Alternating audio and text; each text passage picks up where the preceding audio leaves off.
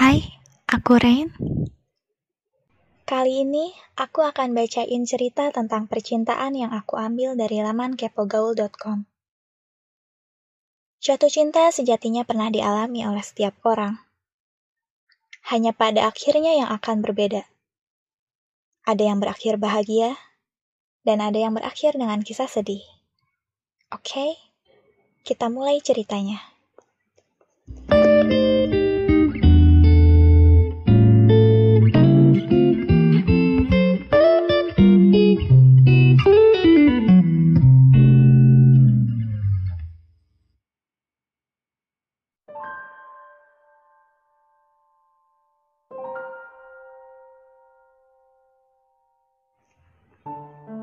Aku membenci suamiku. Kalimat itu hampir selalu terngiang di kepalaku selama kami bersama. Memang, pernikahan kami tidak didasari oleh cinta. Kami menikah karena dorongan keluarga. Ayahku sendiri memaksaku menerimanya sebagai suami, karena di matanya ia adalah sosok lelaki yang baik dari segi agama, karir, dan kepribadian. Aku merasa saat itu kebebasanku terenggut. Aku merasa takdir sangat tidak adil padaku. Karena itu, aku menumpahkannya pada suamiku. Ia telah mendapatkan hidupku maka ia harus membuatku bahagia.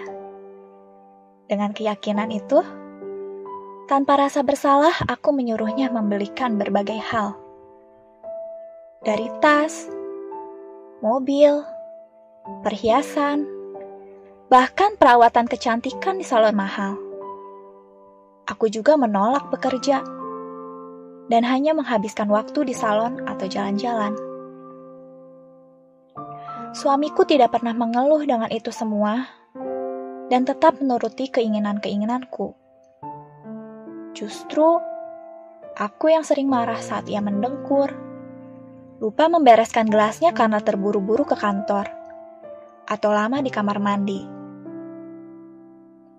Tapi tetap, ia tidak pernah marah padaku meski aku kurang ajar padanya.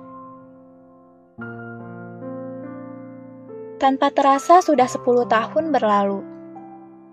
Kini kami sudah memiliki dua orang anak.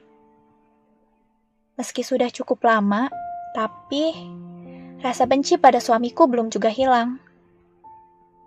Suatu siang saat hendak membayar ongkos perawatan di salon, uang di dompetku kosong.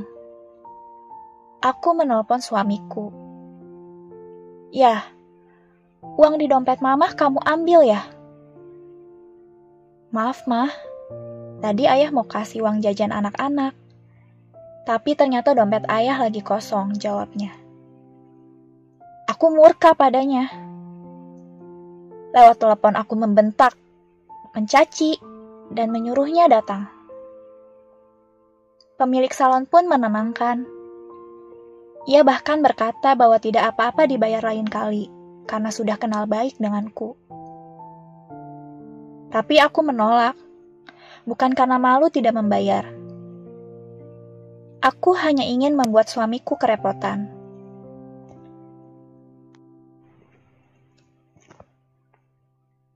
Beberapa jam berlalu, tiba-tiba datang sebuah telepon dari rumah sakit.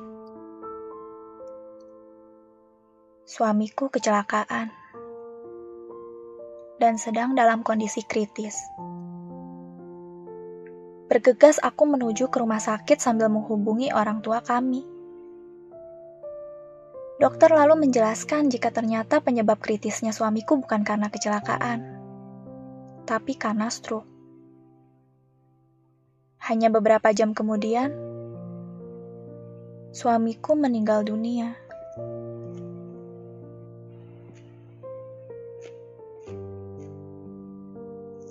Upacara pemakaman digelar. Semua orang yang mengenal suamiku dengan baik menangis pada saat itu. Memang aku sedih. Tapi air mataku tidak bisa tumpah. Dadaku pun sesak. Namun aku bisa tetap tenang. Seperti itulah kondisiku sampai suamiku selesai dikebumikan. Beberapa hari setelah pemakaman, datang seorang notaris yang mengurusi masalah warisan. Usai semua urusan dokumen selesai, ia memberikan sebuah surat wasiat dari suamiku. Pada surat itu tertulis, "Aku harus pergi terlebih dahulu.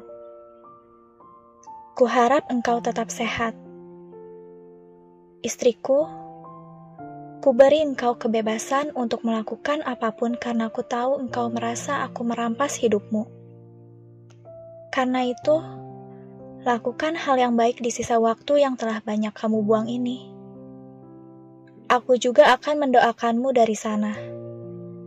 Semoga kamu bisa mendapat suami yang lebih baik dari aku. Kutitipkan anak-anak kita padamu. Ajari mereka agar bisa mencintai seseorang sebaik dirimu. Sampai jumpa istriku yang manja. Selesai membaca surat itu, barulah air mataku yang tertahan tumpah. Lututku melemah, dan aku mengerang sekuat-kuatnya. Saat itu, kusadari bahwa suamiku telah berhasil mencuri hatiku dengan ketulusannya. Seumur hidup, aku akan terjebak pada perasaan cinta padanya. Maafkan aku, suamiku. Semoga dari cerita ini ada pelajaran yang bisa kamu petik. Kamu bisa menjadi orang yang lebih bijak saat jatuh cinta lagi. Terima kasih buat semua yang udah dengerin. Sampai jumpa di konten US Art berikutnya. Bye.